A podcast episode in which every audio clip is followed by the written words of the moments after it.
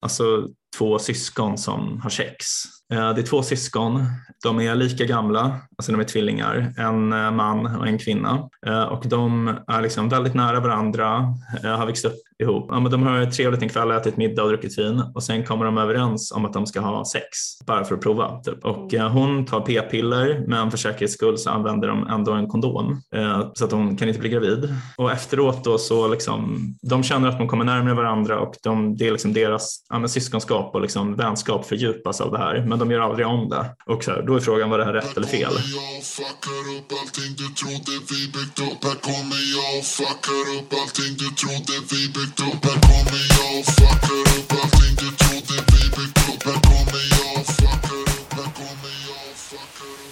Hej och välkomna till podcasten Om och Men där vi reder ut det ni eh, tycker är krångligt och krånglar till det ni trodde var utrett med mig, Vincent Flink Gamlenäs.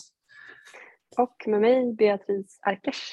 Härligt att podda mig än en gång, Bea. Yeah, detsamma. vad har hänt sedan uh, sist det sågs då? Ja, vad har hänt sen sist? Uh, jag, har, jag har käkat uh, ännu en kebabsallad. Uh, Starkt. Le Kebab. Ja, mäktigt. Gått till, gått till den på Söder nu faktiskt. Det är, det sant? Även denna på Söder levererade kan jag erkänna. Det är inte bara Upplandsgatan som levererar. Jag visste äh, faktiskt även... inte ens att det fanns en på Söder. Jag håller mig jo. till Vasastan. Mm, men det finns en på Rosenlundsgatan. Um, så ja, jäklar vad de borde sponsra oss nu alltså. Ja, med sallader. Ja. ja. Ja, men fan vad nice. Ja, alltså det, för er som inte har ätit där, om ni vill ha the full om och men experience, lyssna på vår podd och beställ en uh, vegan bowl för liksom att få 4D-upplevelsen av om och men.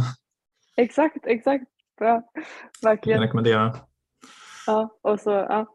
Nej, det är sant. Och så kan man hänga i, i Vasastan då, i, i krokarna kring din lägenhet. Upplandsgatan 51, in my heart. Yes. Yes. Uh, ja, nej, så uh, ja, med andra ord, det har inte, inte hänt jättemycket, men nej. det har varit trevligt. Det låter Var... som att du har haft det bra ändå. Ja. Mm. Vad, vad, vad har hänt i ditt liv? Vad har du gjort? Um, ja, alltså det har ju varit val. Uh, mm. Igår, igår det val och uh, jag tyckte att den här valrörelsen har varit så sjukt jävla tråkig. Alltså jag är så trött på alla puckade politiker vad som kommer med sina jävla talepunkter. Så jag längtar verkligen till att den här masspsykosen ska vara över. Vi kan lägga det här bakom oss. Men, um, ja. Så det är väl det som har hänt. Jag håller med. Vad, får man fråga, röstade du eller inte? Mm, jo, alltså jag la en röst, absolut. Det gjorde jag. Det Men jag tror att jag kanske ska vakta valhemligheten här och inte yppa riktigt uh, ja, hur rösten såg ut. Men en, en rolig grej med när vi röstade var att jag och min flickvän gick tillsammans och röstade. Och um, vi, vår röstlokal var vår gamla gymnasieskola Eh, Eh, och jag och Lona, min tjej, vi träffades, eller alltså vi kände varandra i och för sig innan vi eh, började på gymnasiet, men vi, liksom, vi blev ihop precis efter att vi slutade gymnasiet. Och vi har inte varit där sedan vi gick ut för tio år sedan. Så det var så en jävla mindfuck att gå runt där. Alltså det, var, det var sjukt faktiskt. Ingen av oss hade väntat sig det, men det var verkligen den, eh, alltså århundradets nostalgitripp att bara glida runt där. Vi liksom typ lärde känna varandra som 16-åringar. Gud, vad, såg allting likadant ut eller hur var det? Ja, alltså det är Norra Real liksom. Så det har ju funnits långt innan vi började där. Det är en ganska gammal byggnad och de har liksom behållit inredningen sedan ja, början av 1900-talet. Liksom. Så mm. det, var, det var väldigt likt skulle jag säga. Verkligen. Ja, det måste ha känts som att gå omkring i en dröm lite. Ja, lite. Och sen också typ eh, ja, med hela den här rösten. Jag har varit väldigt osäker på vad jag skulle, hur jag skulle rösta. Liksom. Så ja, ja, men det var lite random, men väldigt skönt att det är över. Hoppas det inte blir, alltså för att nu verkar, de har inte räknat alla röster, men det verkar som att högern kommer vinna. Typ. Jag hoppas det inte blir en jävla skit nu. Liksom. Att eh, SD får igenom massa sjuka, sjuka förslag. Liksom. Ja, ja, gud ja. Nej, nej. Vi får verkligen se hur detta artar sig. Det får vi göra. Mm. Ja, men, men idag ska vi eh, vi ska ju diskutera ett ämne som eh, ligger nära politiken. Ja, precis. Mm. Ja, men precis. Vi, vi ska snacka om um, en bok som vi har läst som mm. uh, heter The Righteous Mind på engelska. Mm. Um, men som då precis har kommit ut på, på svenska också, eller nyligen i alla fall på, på det här Fritanke förlag då som, um, som jag, vi har nämnt innan, för jag brukade jobba på det förlaget. Ja, toppenförlag. Um, ja, men precis. Mm. Uh, och där så heter boken um, Det rättfärdiga sinnet.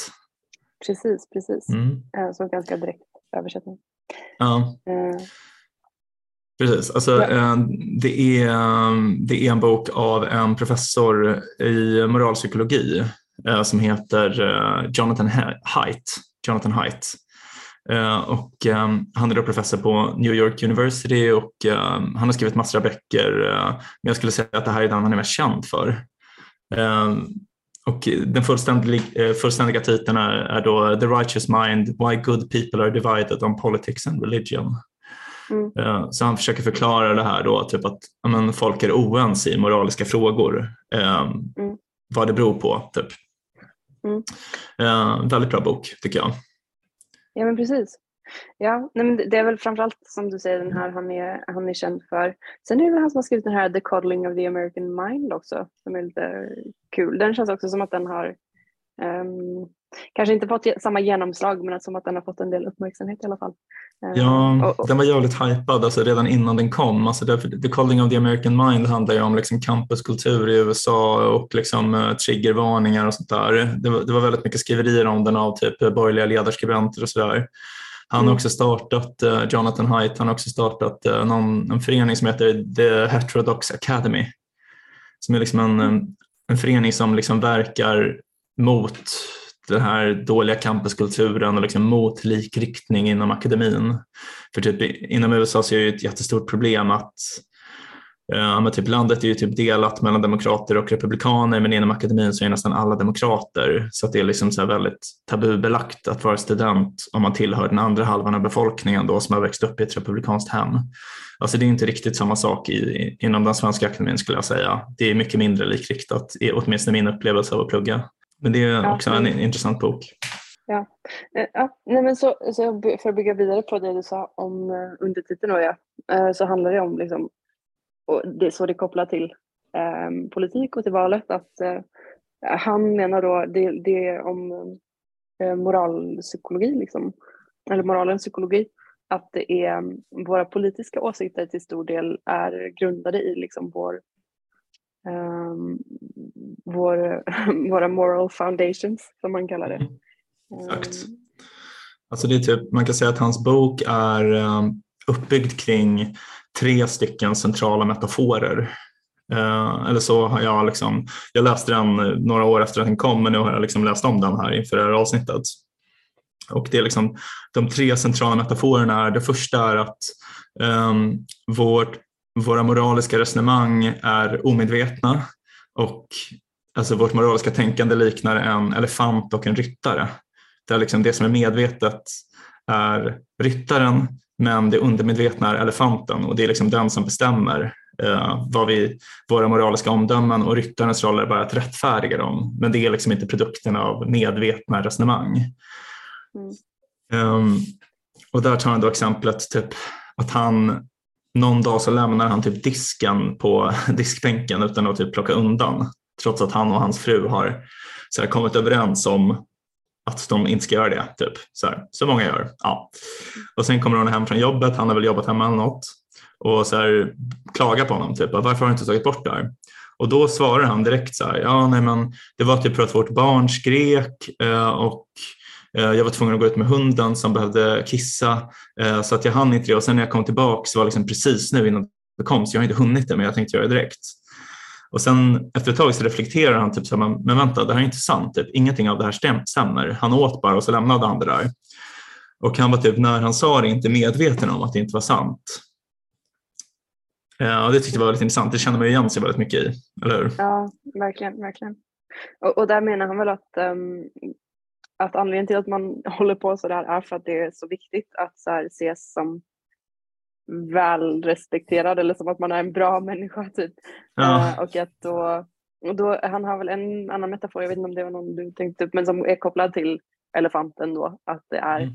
viktigt att ha en bra pressekreterare.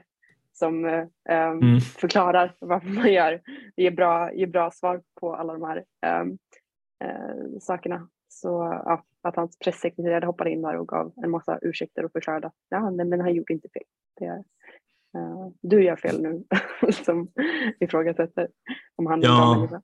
Exakt, alltså det är också en, en annan metafor han använder för samma sak. Då. Det är ju kanske på ett sätt bättre för att jag menar, poängen med den metaforen är att pressekreteraren vet ju inte varför en politiker gör en viss sak. Typ en politiker gör ett visst utspel eller något och pressekreteraren har som roll att förklara varför det var rätt att göra det.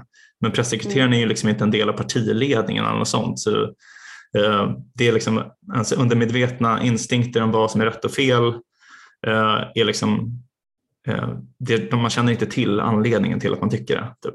Mm, så det är ganska intressant. Eh, men nästa, nästa metafor är alltså det som han kallar för the moral foundations theory.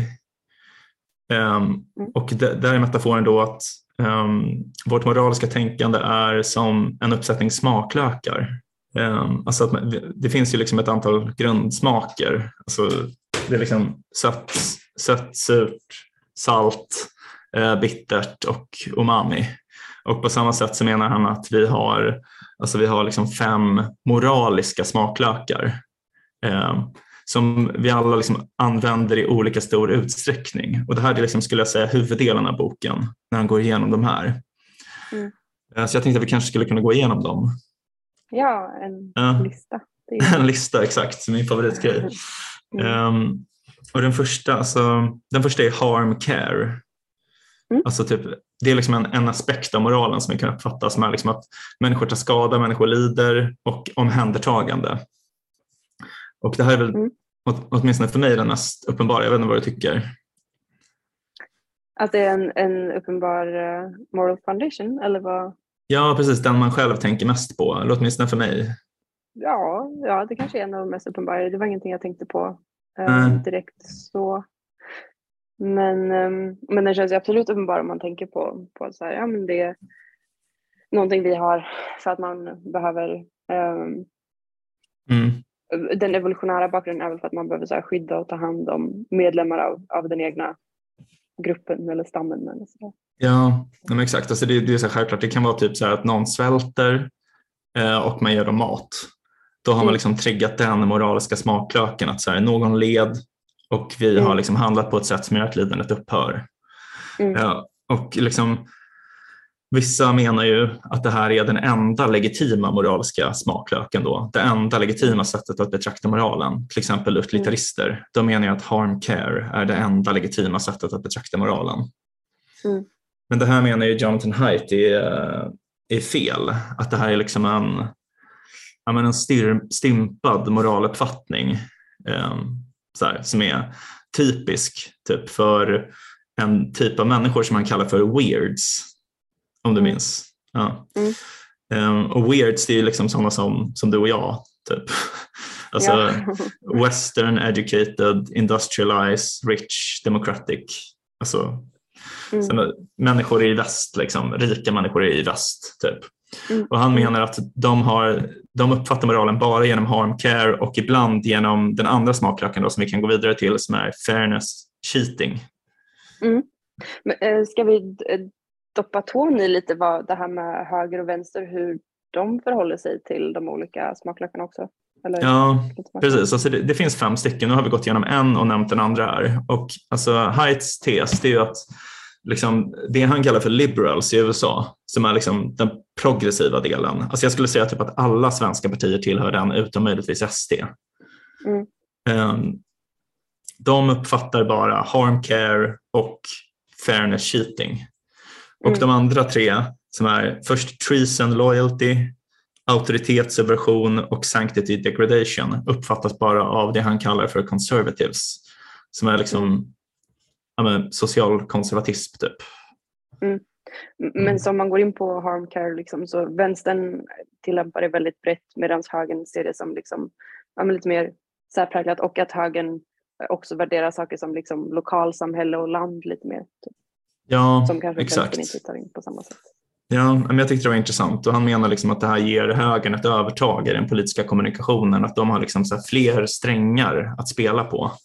alltså fler, man kan liksom tilltala fler moraliska smaklökar som man kallar det då, än, mm. än vad de, den progressiva kan. Alltså, jag vill verkligen liksom understryka att här, man kan inte direkt översätta hans liberal conservative till vår vänster-högerskala. För att jag tycker mm. liksom större delen av den svenska högern tillhör definitivt hans liberal definition.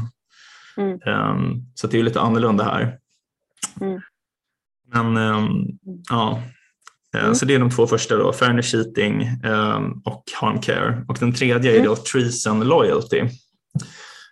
Uh, och, och där liksom tar han som ett tankeexperiment som jag tyckte var väldigt uh, bra. Och det är så här, säg att typ Sverige låg i krig med ett annat land. Säg, säg typ att Sverige låg i krig med Ryssland eller något sånt.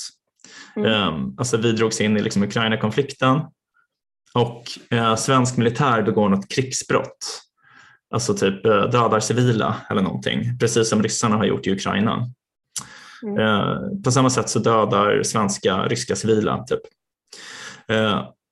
om, om du fick reda på det, skulle du då ställa upp i rysk radio och fördöma Eh, den svenska militärens agerande mitt under kriget. Alltså även om det var sant, skulle du göra det? Så här. Alltså det, det, det är förräderi liksom. Det är meningen att vi ska få den, eh, den liksom känslan att det är så här, det här är moraliskt fel, även om det man säger är sant och det, mm. det svenska militären gjorde var fel, så är det ändå kanske fel att fördöma. Alltså förstår du vad jag menar? Mm, mm absolut.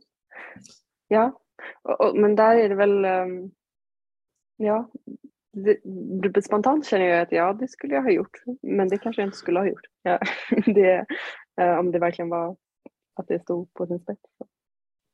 Alltså jag, ehm, jag tycker att det hade varit rätt att göra det, men jag vet inte om jag hade gjort det. Alltså, det, är liksom, mm. det känns fel på något sätt. Min känsla säger mig att det är fel. Att typ mm. mitt, mitt under ett krig ställa upp i fiendens radio och fördömas den egna sidan. Um, mm. ja det, det känns fel tycker jag. Mm. Det, det, skulle ju krävas en sån här weird person för att göra det definitivt, tänker jag. Uh, att, ja, exakt, exakt. För att man inte värderar lojalitet alls på det uh, sättet och att man inte har känner lojalitet till landet alls på samma, samma sätt som en kanske konservativ också för att bara hoppa tillbaks till rättvisa. Så, så lojalitet, eller lojalitet så tänker man ju, jag tänker lite på det här med evolutionära bakgrunden till de olika um, um, moraliska smak, smakerna. Mm. Att det är också intressant, särskilt i förhållande till det här vi pratade om för några avsnitt sedan om um, kulturell evolution och sådär. Ja, just det. Men att man, mm. uh, så, med lojalitet så tror jag att det han sa var liksom den evolutionära bakgrunden typ var mer så att det Um, ja, men att det behövs för att uh, få till bra samarbete, vilket mm. man behöver. Um, och för rättvisa så var väl den bra, eller den evolutionära bakgrunden att um, för att man ska kunna så här, skörda frukterna av samarbete utan att samtidigt utan att man ska bli utnyttjad också. Ja. så, så, ja.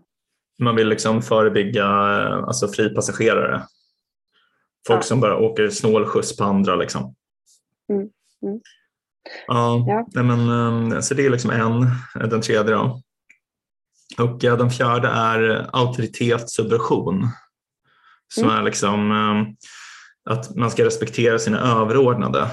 Ehm, och det är liksom inte alltså överordnade med liksom, alltså de som har makt över dig med hot om våld, utan det är liksom Ehm, ja, men alltså respekt, som har social respekt. typ. Och där har han som tankeexperiment typ eh, om du fick 10 000 kronor för att slå din pappa i ansiktet och han var med på det, så här, skulle du göra det då? Eh, mm. ja. Eh, det är också så här, ett upprörande exempel. Typ. Även om ens pappa var typ så här, jo men gör det, typ. Eh, det är ingen fara, det gör inte så ont och typ, eh, vi får pengarna. Eh, mm. Så här, man kan dela på det eller whatever. Typ. Men det är ändå så här, typ, att slå någon i ansiktet är liksom en gest som i vår kultur betyder att man inte respekterar någon. Eh, mm. Och det liksom, finns en norm om att man ska respektera sin pappa. Typ. Eh, mm. Ja. Jag har en, en sak att ta upp på det, mm. men vi kan fortsätta genom alla. Nej, men, nej, men ta upp det för all del, det är väl bra. ytterligare ett sidospår. Ja, men, vi kan fortsätta sen på, på listan. Liksom. Men mm. Jag tycker det är lustigt för jag kan ju ofta bli frustrerad när jag interagerar med folk från andra kulturer som har en, vad jag upplever så här, överdriven artighetskultur. Typ. Att mm. jag tycker att men, vår interaktion här eh, blir ineffektiv av att du är så fruktansvärt artig hela tiden. Är det när du slår dem i ansiktet så de trillar upp? Typ. Exakt, exakt. Nej, men så här, typ, det här är lite awkward men på, på jobbet har vi en um, virtual assistant okay. som är en person, en människa mm. som mm. sitter i Filippinerna. Det är så här, hon är så extremt artig mot mig hela tiden och jag försöker vara så här som man är i västerlandet så typ vi har väldigt, jag jobbar i en väldigt platt organisation. Jag anser alla mina jobbarkompisar vara mina kompisar typ. Och, mm. jag, och liksom, det är så jag försöker interagera med henne också. Um, men jag upplever att, du vet när man så här, typ, blir kallad för mam och sådana grejer. Man bara, men, mm. eller typ, uh, att, att, att, att det blir, um, ja men som sagt att jag tycker att det blir ineffektiv kommunikation och att jag tycker att det blir, för mig blir det obekvämt. Typ. Mm. Uh, att, uh, när det blir sån hierar tydlig um, hierarki i interaktionen. Um, sen förstår jag ju att det är, det är klart att det är en ojämn hierarki om någon är ens överordnad, alltså om någon är beroende av den andra för att de ska få lön. Liksom. Mm. Um, men så är det ju med alla mina kollegor, typ förutom uh, min chef. Uh, alltså att jag har den relationen till alla mina kollegor. Samtidigt så har jag märkt att när jag är i USA så hämmas jag extremt mycket av, av min um, jag har eh, mina liksom, kulturella normer som sitter väldigt djupt i, i mig. Att jag upplever att så här, jag eh, nog kommunicerar på ett sätt som de tycker är ineffektivt för att jag gör saker som jag tycker men det här måste man göra om man ska vara liksom, en artig, vettig människa. Vadå um, typ?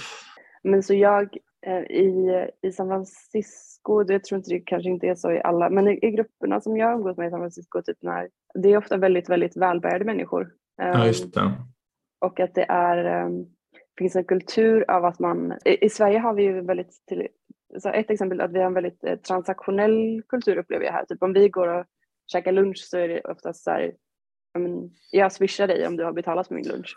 Absolut. Ja. Ehm, Medan där är normen att man bara typ, det är alltid en som betalar för allt typ.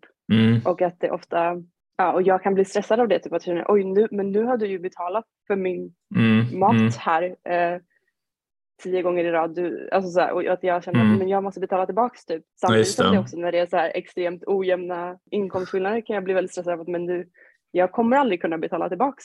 Eh, nej, uh, nej. jag kommer inte kunna bjuda dig på, typ, jag, jag fick ju en biljett till Burning Man, jag kommer aldrig kunna betala, den, den kostar 7000 spänn, jag kommer inte kunna mm. bjuda tillbaks det. Så. Uh, men så, så jag är så här, jag är, så det, så som ett exempel då där jag känner att jag eh, nog eh, för dem interagerar eh, på ett ineffektivt sätt är att jag är, blir, um, jag är mycket mer försiktig i, i um, Inga frågor typ eller? jag menar, ja, nej men dels det att jag typ så här, bara, nej men det ska jag inte fråga om typ. Um, mm. Det är mm. någon som um, berättar om någonting, typ, jag, menar, ja, men jag har någon kompis som har suttit i fängelse och sånt, jag skulle aldrig fråga om hur det var. Ah. Typ, det, ja, de är ju sjukt eh, mycket mer att de ställer så personliga frågor till en amerikaner på ett så lite mm. sinnessjukt sätt tycker jag. De ska så in, in och gräva i ens djupaste hemligheter första gången man träffar dem. Liksom det känns som att alltså, så här, det är en lite så ytlig kultur. alltså på det sättet att det är liksom, det, allting måste vara öppet hela tiden. Det finns ingenting som är dolt. Typ. Men, um... Ja, ja fast, fast, just också att det inte är, um, det är ju, för jag håller med om att det känns ytligt men att det mer känns ytligt att alla är så ja, men alla är så uh, vänliga hela tiden. Alltså mm. att man har en sån här uh, vänlighet men att det då också blir att när du, har den, när du är på den nivån med alla så blir det inte speciellt när du har, um, har som här så kan jag känna typ att om jag, um, om jag öppnar upp mig för någon så är det unikt och jag känner att jag har ett speciellt band till den personen. Ja, exakt. Om man är så öppen mot alla så är det så här, då har du inget speciellt då är det bandet inte speciellt. Nej, exakt det är det jag menar också. Så det är liksom samma för alla och det finns ingenting som är dolt för människor man inte känner bra. Alltså, mm. ja, det är konstigt tycker jag. Men, ja. ja. Men, men, jag känner att jag inte fick ihop min eh, transaktionella tråd där innan. Eller med. Men just att jag, ehm, jag bara upplever att så här, oh, jag har inte, ja, men dels att jag, om jag känner att uh, nu har jag inte nu har vi ingen jämn balans här. Jag, du har bjudit mig på mycket mer saker än vad jag har bjudit dig på. Och så mm. försöker jag, eh, försöker jag bjuda men då är det så här, eh, då är det så jäkla mäckigt. Eh, när man mm. vet man behöver vara den där jobbiga människan som, som typ, men jag lägger pengarna på bordet och springer typ för att de ska ta emot det. Eh, ja. annars så, jag känner att jag står i skuld och försöker mm. betala tillbaks typ. Om, eh, om någon har bjudit mig på massa saker så vill jag mm. betala tillbaks det. Men de bara mm. nej, nej, nej, eh, du bjuder mig nästa gång och så blir det aldrig nästa gång och så bara till slut så vill jag bara men ja. snälla. Ja, jag har, du har fortfarande ångest över det här har jag. Men... ja men jag har verkligen behövt bokstavligt talat göra så. Typ bara så här, jag, jag går in, jag lägger pengarna här nu ja. och, så, och sen kommer jag liksom. I deras ficka liksom. Gör vad du vill, då får du. Ja. Ja men starkt jobbat. Det här är då det andra smaklöken, fairness cheating. Mm. Jag säga. Mm. Ja. Att man är liksom, i Sverige väldigt rädd för att ses som en fripassagerare för att det är, det är mer den här mm. känslan av um, gör din plikt, kräv din rätt, liksom, folkhemmet. Och, ja. Mm. Mm. Ja, men intressant, jag kan tänka mig att det skiljer sig väldigt mycket bland amerikaner. Ja, men precis. Men, men, så det, ja, men så poängen var väl lite att här, även om jag eh, som sagt, jag märker att jag kan bli frustrerad på att andra människor har svårt att uh, ta sig ur det där. Um, så märker jag att jag också själv har väldigt svårt att ta mig ur sånt som verkligen har.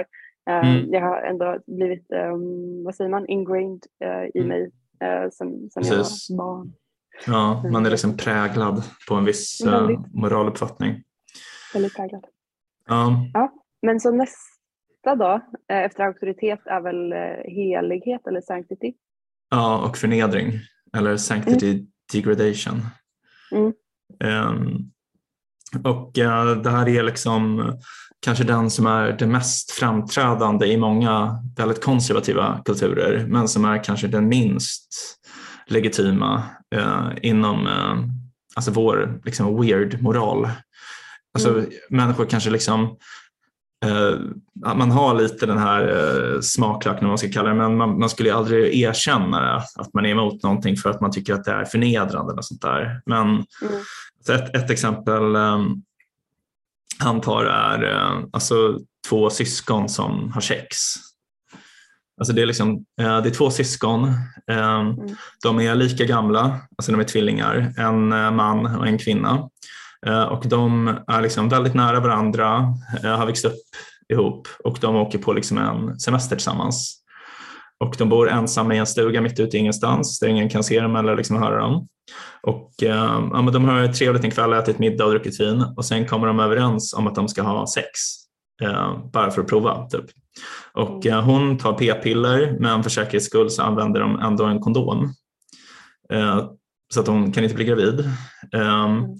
Men, eh, och efteråt då så liksom, de känner att de kommer närmare varandra och de, det är liksom deras äh, ja, syskonskap och liksom vänskap fördjupas av det här, men de gör aldrig om det. Äh, så. Och så här, då är frågan, var det här rätt eller fel? Äh, mm. Och, och där ja. skulle ju... Ja. Man tänker ju att det är fel. Ja. ja. Eller hur? För man tycker inte att syskon ska ha sex med varandra. Det är liksom mm. äckligt eller förnedrande. Ja. Så här, ja. Mm. Eh, och att det kränker ett heligt tabu då menar han är an anledningen till att man är emot det här. Men när, när man frågar folk i liksom väst varför det är fel, eh, alltså folk som är weirds, typ folk som har gått college i USA, då är det så att de svarar direkt så här, det är fel som alla andra. Men när man ber dem liksom förklara sig så får man prata med då pressekreteraren eller liksom elefantryttaren i hans metafor. Och då liksom ger de jättedåliga anledningar. Typ så här, nej men uh, vänta lite, det kan ju bli barn typ. Uh, de, de, kan bli missbildade, barnen kan bli missbildade om det är incest. Och då säger han så här, nej men han tog ju p-piller och de använde kondom så de kan ju inte bli gravid. Så att man vet inte varför man är emot det. Liksom. Nej precis, om man, om man bara förhåller sig till det som konsekvensgrejen. Men, men rent um, evolutionärt som jag förstår det så var väl, äh, liksom, är väl anledningen för, för man kan väl också bara beskriva det som så här äckel, alltså att man mm. har en känsla av äckel för olika saker, typ incest eller tidelag känner jag också äh, ja. för. Och att det är väl eh, så, så den evolutionära bakgrunden känns väl ändå ganska enkel att förstå. Att så, men det, menar, som att man inte vill föröka sig med sina kusiner för att det är risk för, um, för liksom, uh, att det påverkar. Uh, ja. Uh, ja, precis. och att typ så här, Eh, överlag att undvika olika föroreningar eller um, patogener som jag förstår det. Alltså att det, är, mm. det finns uh, olika smittrisker och därför är det bra att känna äckel för vissa saker. Jo, men absolut, man kan ju förstå den evolutionära bakgrunden. Men jag tycker bara det är intressant att det är, så här, det är en stor del av hur människor resonerar moraliskt men att det liksom i vårt samhälle är stigmatiserat att kännas vid den här, eh, det här fundamentet för eh, vårt moraliska tänkande som liksom handlar mycket om äckel och liksom känsla av helighet och tabu. Mm, verkligen. Um, jag tycker ofta att det är en sån uh, en känsla som känns väldigt direkt, typ det här när man, lite, man känner elefanten ganska tydligt. Typ. Mm. Att man bara um, känner ganska direkt om man känner en stark avsmak för någonting.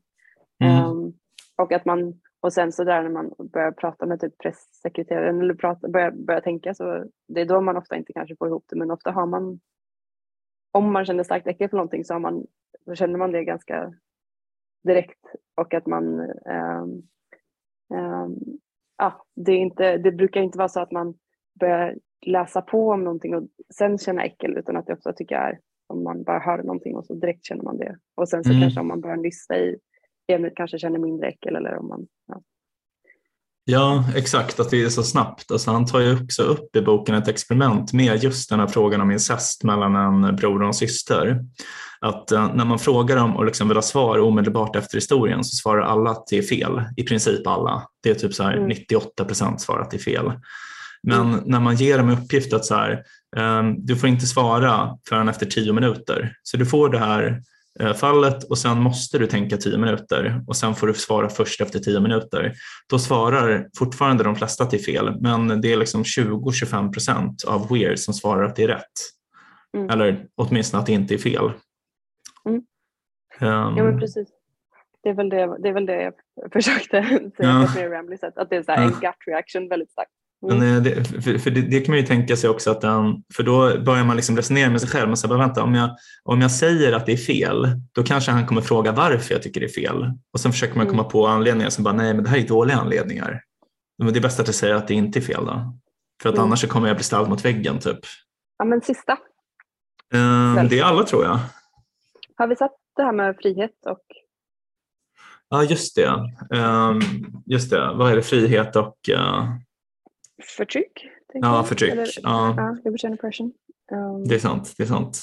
Ja, jag kommer inte uh, riktigt ihåg vad han tog som exempel där. Nej, men att, uh, som jag förstår det, så att, att det är någonting man känner för att kunna märka och uh, avstyra om det, man upplever att man domineras av någon för att så här, kunna uh, bekämpa eh, eventuella förtryckare av mm. olika slag. Eh, så, så till vänster så är det någonting som där, man värderar frihet utifrån aspekten att så här, eh, leva ett gott liv och att man ser det som man ska ha positiva rättigheter som, som så här, ja, rätt till hälsovård, till mat, till utbildning. Mm. Um, och du ska vara fri från förtryck av storföretag och kapitalism och sådär. Och till höger så, så är det... Mer negativa friheter. Ja, precis. Så, så mm.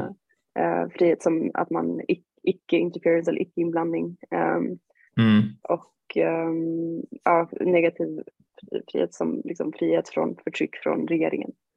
Ja, nej men alltså han, han går igenom lite, alltså typ i USA så inom typ sån här politisk populärvetenskap och sånt där, så man, jag har läst mycket sånt och det känns som du har gjort också, så brukar de ju alltid prata om typ tre läger Alltså att de pratar om att det finns liberals, conservatives och sen pratar vissa om libertarians.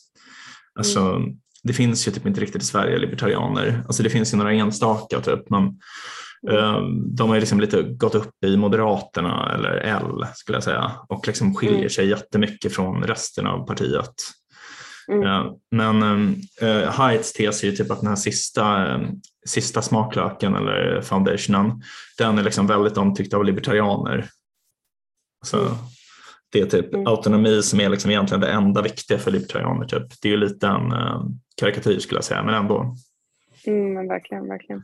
Men alltså så här, Heights tes är som sagt då att de här tre, treason, loyalty, um, authority subversion och sanctity degradation, alltså de inte riktigt utnyttjas av vänstern. Men alltså, håller du med om det? Jag, jag ser det typ inte riktigt eh, på det sättet. Alltså, det känns bara som att det är lite olika typer av frågor där de här moraliska övervägandena triggas om man jämför höger och vänster.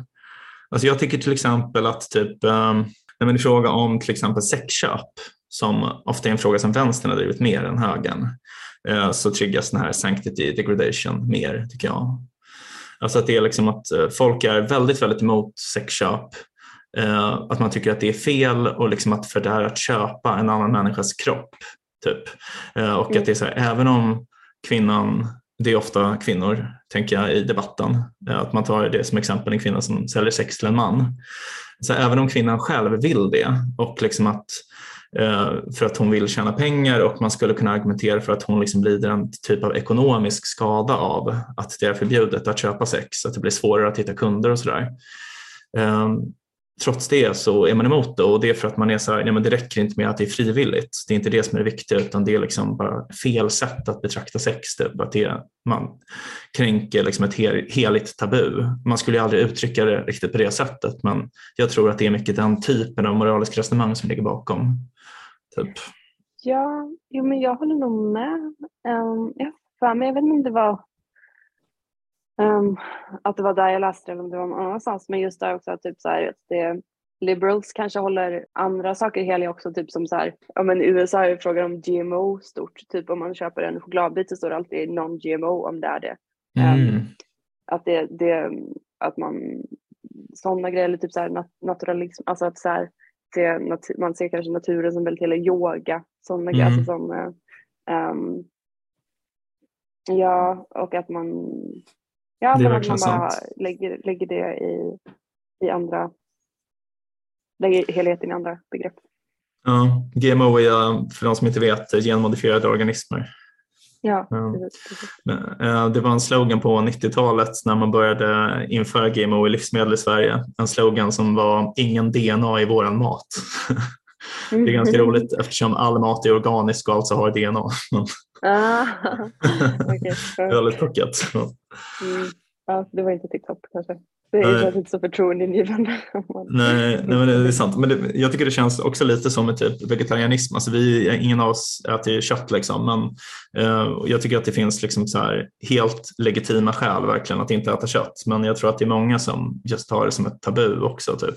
Tycker att det är äckligt liksom, att äta ett kadaver. Mm. Liksom. Mm, verkligen. Um. Ja. Nej, men, men det som, den som jag tror jag har svårast att, um, att få för man kan ju ändå förstå, eh, lojalitet och auktoritet känns ju ändå ganska så det, det känns väldigt, som väldigt tydligt konservativa mm. um, värderingar. Så, så där, är väl så här hans exempel att ja, men lojalitet eh, de konservativa har nästan monopol på liksom idéer om eh, lojalitet och auktoritet där lojalitet liksom är, kan man se i hur starkt, hur eh, viktigt den militära dygder är eller eh, den amerikanska flaggan, liksom det här mm. att den, flaggan får aldrig nudda marken och det är så extremt eh, noggrant med allt där. Mm. Eh, och, och att bränna flaggan är så extremt härdiskt. Um, och med auktoritet, det känns ju också ganska tydligt att man har um, jag menar, en helt annan respekt för Ehm, man vill ha ett lite mer tydligt hierarkiskt eh, samhälle kanske där mm. Polisen har makt och man um, förlitar sig på dem uh, och ja, men mer den här traditionella uh, uppdelningen av hur uh, ett politiskt landskap ska se ut eller mm. en organisation ska se ut.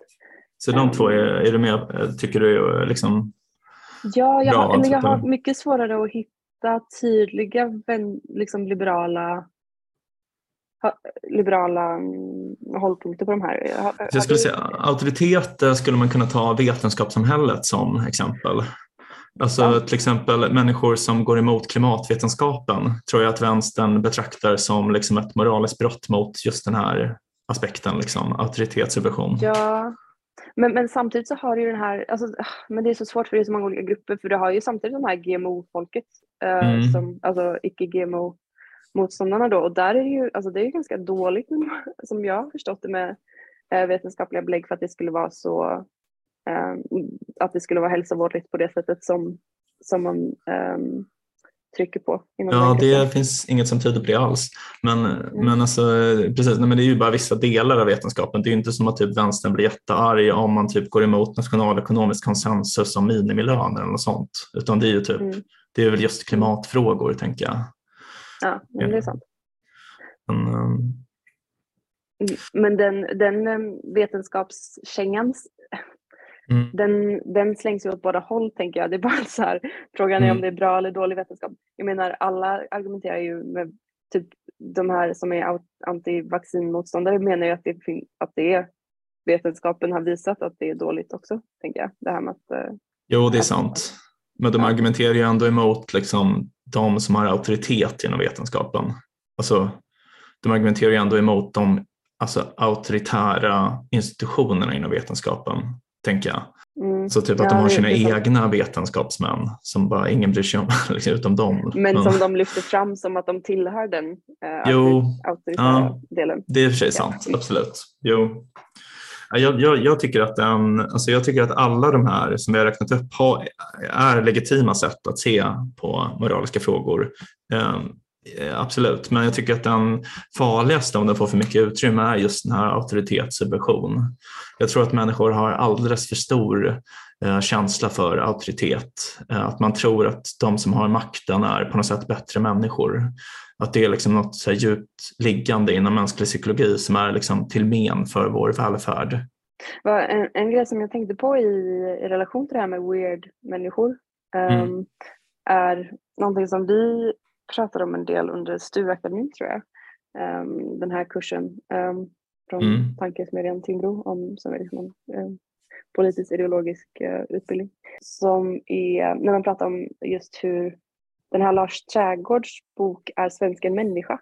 Just det. Som mm. Ett intressant exempel på att man menar att uh, för typ om en, um, när USA ser på, eller om man ser den, den um, det vanliga sättet som man brukar beskriva Sverige på i USA är som att det är ett väldigt socialistiskt land och då tänker man att så här, det är ett väldigt kollektivistiskt land.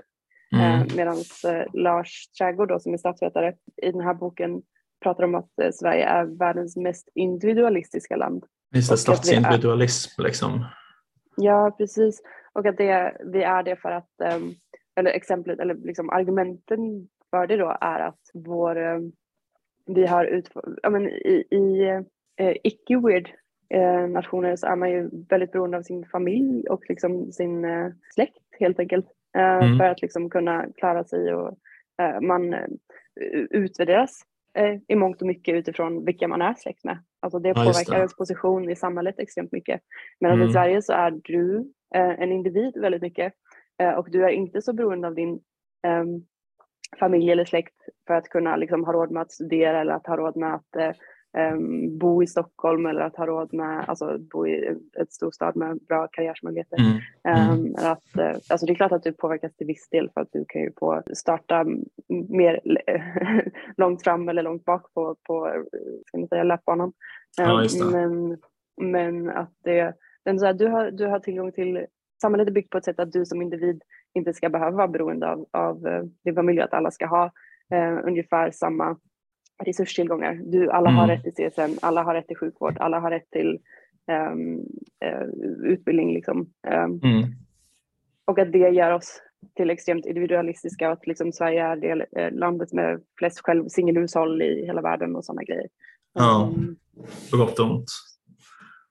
Ja, så, så, så, vi är nog väldigt um, weird i Sverige. Alltså, jag, alltså, när man ser sådana här uh, vad heter det, International Value Service där man går igenom mm. värderingar i olika länder så är Sverige typ den mest extrema av alla outliers.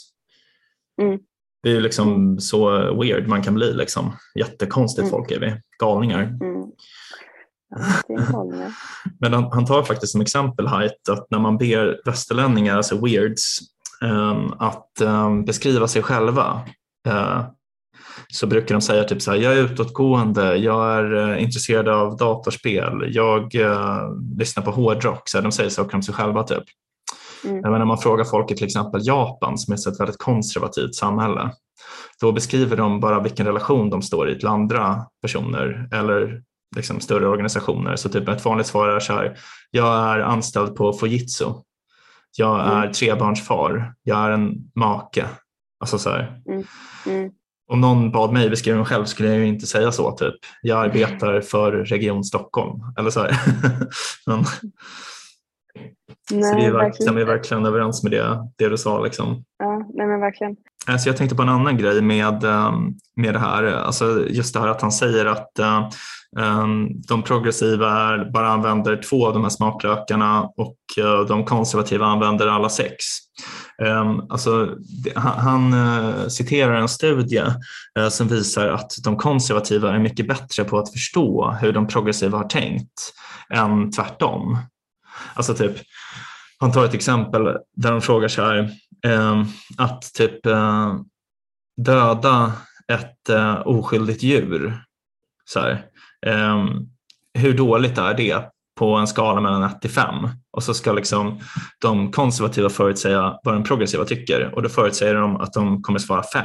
Det är så, det är så dåligt det kan bli. Så att, att döda ett oskyldigt djur utan anledning. Så här. Eh, och mycket riktigt svarar de i snitt 5, så här, det är jättedåligt. Men sen ska de progressiva förutsäga vad de konservativa ska svara och då gissar de att de kommer svara 2, Men de svarar också 5. Mm alltså så det är så här, typ, han menar liksom att de konservativa de, tänk, de har samma intuitioner som de progressiva men de har också andra inter, äh, intuitioner. Så de har liksom mm. en, en rikare, mer bred moral. Mm. Och ibland står liksom de moraliska intuitionerna i konflikt med varandra.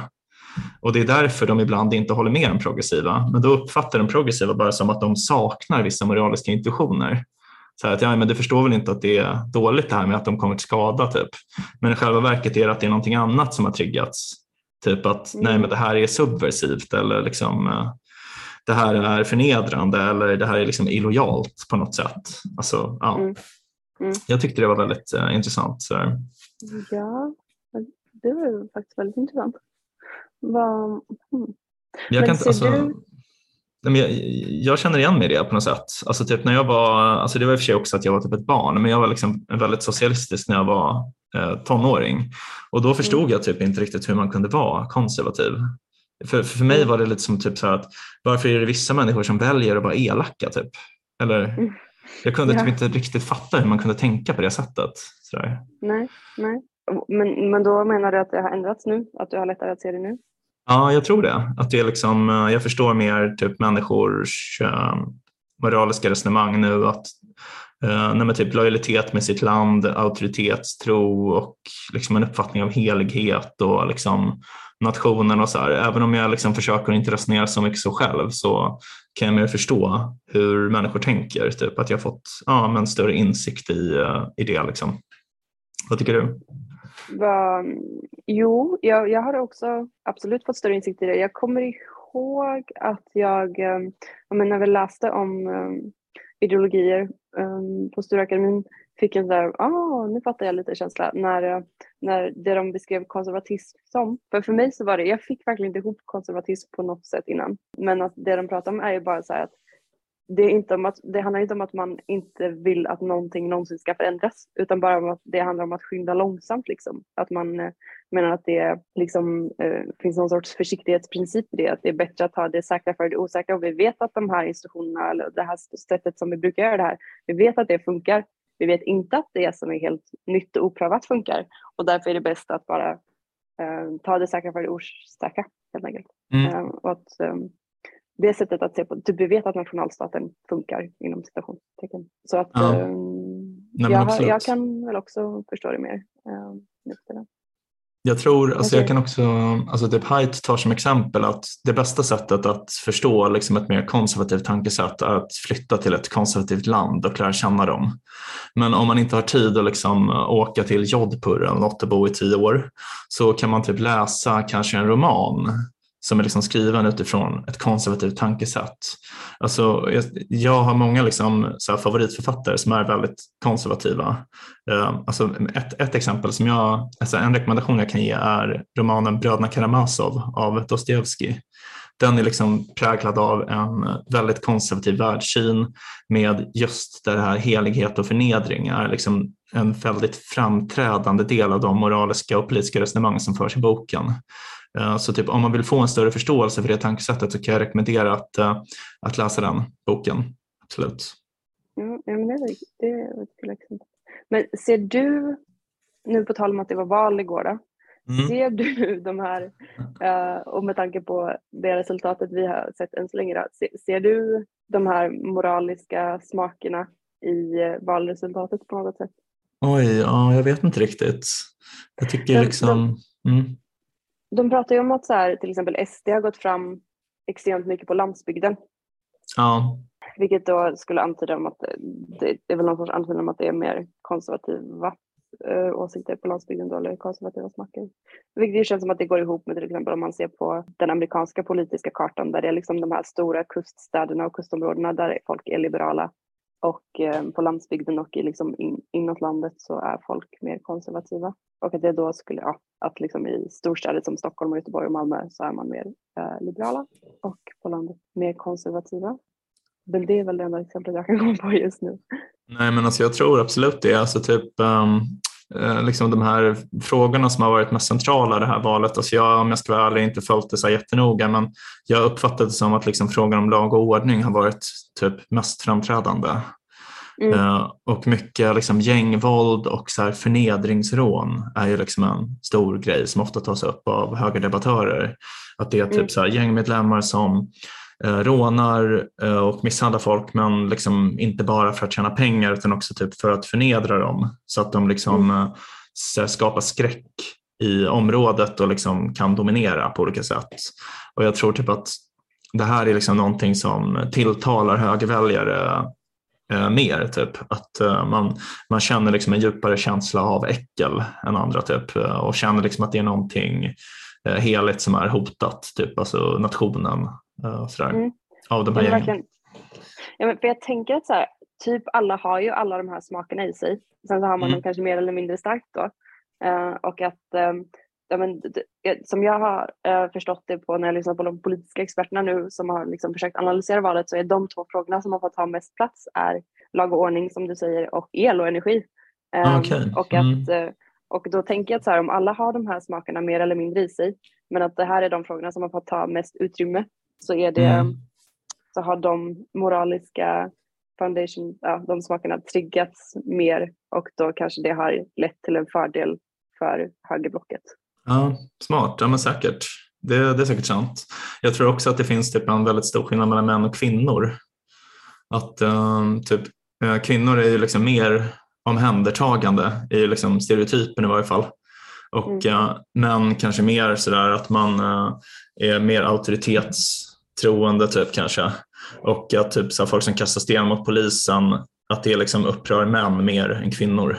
Men det, det är supersant. Det såg man också jättetydligt i valresultatet att det var, eh, det var tydligen väldigt stor skillnad. Jag kommer inte ihåg hur stor, men jag kommer ihåg att det också var, eh, var någonting som jag hörde av någon expert att liksom så här, det var ja, men större skillnad än någonsin mellan så här, att kvinnor som röstade på vänsterblocket och män som röstade på högerblocket. Ja, nej, men det är intressant.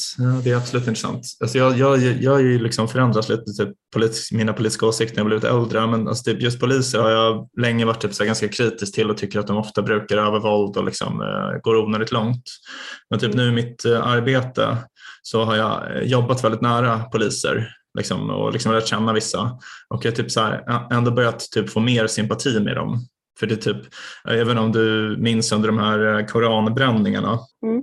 eh, att det, det var liksom en, en dansk-svensk eh, politiker som hette Rasmus Paludan som skulle bränna Koranen och eh, han fick eh, tillstånd att göra det liksom, och skulle, då har han också rätt till beskydd från polisen. Och det blev sådana kravaller där liksom människor jagade poliser som var på flykt och liksom försökte ja, mörda dem mer eller mindre. Alltså typ mm. döda dem, så här, kasta sten mot dem när de låg ner. Och typ, det var bara så himla speciellt för när det här hände typ, eh, så satt jag på jobbet och pratade med två poliser och det var så himla sjukt för att de var så här, ja men några av våra bästa kompisar har typ blivit skickade dit nu. Och de vill bara ja. typ skada dem bara på grund av deras jobb. Liksom. Ja, det, det, var så här, ja, det är ändå ett väldigt speciellt jobb. Jag fick typ så lite mer sympati för dem, även om det är många som går över gränsen och gör fel. Liksom. Ja. Så. ja men verkligen.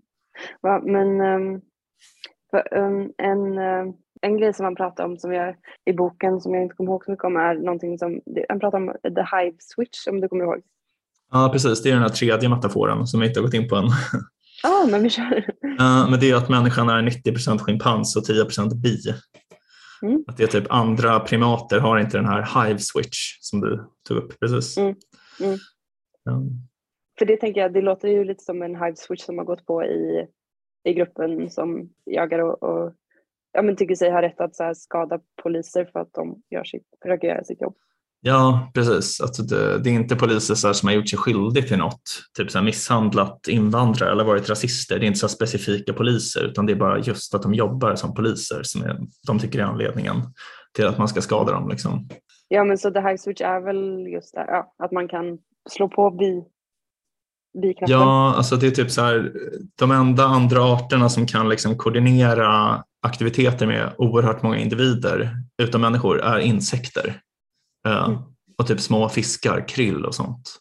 Men alltså typ, det finns liksom inget exempel på så här 10 000 schimpanser som gör någonting gemensamt. Alltså så här, det är helt otänkbart liksom att det skulle kunna gå. Men människor kan liksom, vi blir liksom extremt påverkade av att liksom till exempel röra oss koordinerat. Alltså typ att marschera eller liksom att spela i ett band eller liksom att det är som att uh, det ger oss här lyckokänslor, liksom, man blir nästan rusig av det här. Typ. Och, mm. ja, det menar han då utnyttjas mer av konservativa än progressiva också. Ja, det, ehm, men det, så ett exempel på när det, ut, ut, eh, när det utnyttjas av progressiva är mm. Burning Man. Jag känner att det kommer bli risk att det är som att du nämner Robin Hanson i varje avsnitt, kommer jag nämna Burning Man i varje avsnitt. Eh, ja. som jag är ganska nyligen hemkommen därifrån. Men, men det, är, det var verkligen en, en speciell, jag har generellt sett väldigt svårt att så gå in i eh, jag har inte kallat det för hive switch utan jag, jag brukar kalla det för typ så här masspsykosstämning. Du vet mm. när man är på typ så här en konsert och alla ska gå upp i någonting eller en, ja, men när man upplever någonting och upplever att man upplever det tillsammans med andra kan jag generellt mm. sett ha svårt för och jag tycker det är ganska jobbigt att så här, äh, buntas ihop i en grupp med människor för jag har ofta um, det blir så um, om man ska vara en grupp med människor så behöver det ofta vara väl, antingen väldigt generiska eller homogena saker som man står för kanske i gruppen. Mm. Um, och att jag, jag ofta har svårt att, uh, ja, och det, jag har ofta svårt att liksom så här, um, gå med i, i de, att det blir så förenklat helt enkelt. Att ja. men jag, jag håller inte med om det som, som vi säger för jag tycker om och men. Ja. alltså det, det, är mycket mer komplext än, än, än så. Ja, men det känns som att vi båda är så personer som inte umgåtts jättemycket i väldigt stora grupper. Nej. Eller hur? Alltså, för det är ganska vanligt annars att man har så kompisgäng med 15 pers typ. Men, mm. men, jag har aldrig haft något sånt. Typ. Det, det, känns inte som att du heller riktigt har. Nej, nej det har jag verkligen inte. Men, ja, men så, så på Burning Man då så är det, det var en sån känsla, jag fick en sån här utanförskapskänsla av att du vet när alla går omkring och ojar sig över hur fantastiskt någonting är och, man, och ja. alla bara uh, beter sig lite som att, som att det är något religiöst nästan. Alltså jag har verkligen uh, träffat människor som jag upplever har Burning Man som religion. Jag vet inte om jag har berättat om det i podden men typ så här, jag har varit hemma hos folk som är så här de har en staty på grundaren av Burning Man i, i sin trädgård. Liksom. Fy fan vad um, cringe han har. Okay, mm. ja. Alltså det är någon som har grundat en jävla festival som de har en staty av. Mm. Dock är man väldigt noga med att det inte är en festival Burning Man. Det är en co-creation co creation experience. ja, förlåt, förlåt um, techguden. Ja. Uh, jag skulle också kalla det festival. Men det, man, mm. jag ska säga, det sättet man märkte att det inte var en festival på alltså, är att så här, ja, men på festival så har det så här, typ jag kommer ihåg någon natt när jag var, alltså man är ute och festar och man är så här ashungrig typ som man blir. Man bara mm. försöker på en festival hade det funnits tusen matställen som ja. ville liksom kränga, kränga mat mm. På en. Men där var det så här, jag vet att jag gick, bara gick omkring med min kompis och så här, kanske här, kanske här, att man går förbi massa camps och ser om det är någon som serverar mat, för ofta är det folk som är snälla och så här, ger bort mat, typ, mm. eller så här, står och, och ger bort bagkorv. Typ. Det, men det fanns liksom ingenting. Ja, mm. det är så här. Ja, då, då blir det så påtagligt. Det är så det går när man inte tillämpar kapitalism. Exakt, exakt. Mm. Mm. Så ja, nej men, men där var det just den här eh, så tydlig hive-känsla.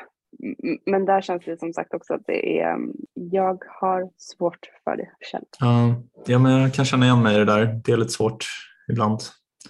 Mm. Man känner att man inte vill vara en i mängden på något sätt. ja, det kanske är det. Man vill mm. känna sig speciell. Ja. ja. Men jag tycker alltså den här boken är också ganska, alltså jag tror att han röstar på Demokraterna, men jag tycker att den känns väldigt konservativ. Det är mycket så här typ att han menar så att allting han säger om skillnaden är ju bara typ att de konservativa är bättre på alla sätt. Typ så här, de förstår hur moralen egentligen ser ut, de drar nytta av den mänskliga naturen. Alltså så här, Det känns som att mm. vi bara läser så här jättekonservativa böcker. Vi måste mm. börja, alltså, det var ju samma med den här kulturella evolutionen, alltså, vi måste skärpa oss Bea. Folk kommer tro att vi är liksom kryptokonservativa eller något. Kryptokonservativa? Nej, men att vi är det i, i hemlighet liksom. Alltså. Vet du, det finns en grej som heter bitcoiners. Har du koll på dem? Bitcoiners? Alltså jag vet ju mm. vad bitcoin är. Men... Ja, men bitcoiners är de här som är OG bitcoiners. De har eh, en, det är liksom lite av en extrem politisk åsikt. Det är ofta mm. många som så här, köpte bitcoin väldigt tidigt. Alltså där bitcoin är typ deras ideologi i det att så här, um, men jag träffade en, en liksom väldigt hardcore bitcoiner på en fest uh, nyligen och att mm. Han tror ju att inom 20 år så kommer vi inte ha um, fiatvalutor längre utan bitcoin kommer vara den enda valutan. Alltså du träffar så mycket galningar Bea. Vad grundar han det på? uh, men att han är, för, förlåt, bitcoin maximalist kallas det. Aha, okay. mm. um, för, för det är um, Ah, nej men det är att man tror på liksom en extremt, det är ett extremt libertarianskt sätt att se på, mm. på världen. Um, där man, dels så, eh, liksom att eh, privacy är extremt högt värderat. Att, liksom, ja, att man mm, inte vill uh, kunna spåra transaktioner på det sättet som man kan med typ kreditkort och, och sådana grejer.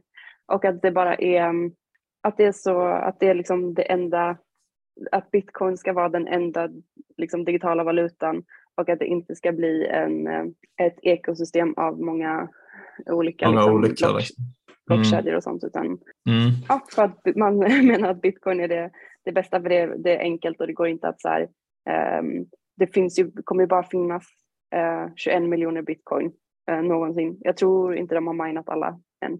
Men så det blir som, som, precis som guld, att det är en väldigt så här, um, begränsad, liksom. det finns ett tak. Precis, ja. precis, så det kommer inte bli inflation och så på, på det sättet som det blir med uh, nuvarande valutor och sådär.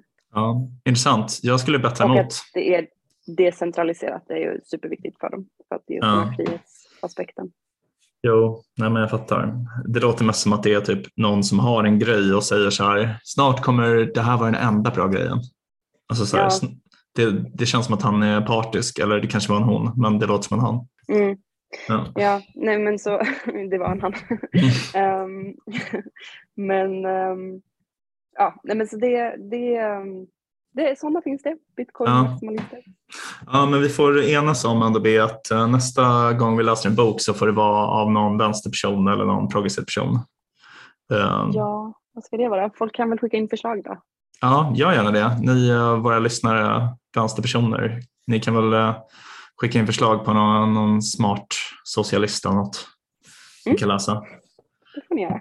Ja, men um, har du något att säga innan vi rundar av? Här? Nej, uh, det tror jag inte. Jag, uh, ja, nej, men, men att det är en, en bra, bra bok. Och, um, alltså det är en asbra bok uh, faktiskt. Den är verkligen mm. värd att läsa och varför inte nu när den har kommit i svensk översättning på Fritanke förlag beställa den redan idag. Mm. Och vi är inte mm. sponsrade. Nej, men kanske i framtiden. Vad säger ni för tankar? Fiskar, fiskar. Ja, Okej, okay. men du, eh, med de orden så vill vi tacka er lyssnare för att ni har lyssnat på ännu ett härligt eh, litet avsnitt av vår podcast Om och men, där vi reder ut det ni tycker är krångligt och krånglar till det ni trodde var utrett. Eh, nästa vecka kommer vi prata om någonting helt sjukt. Japp, japp, japp.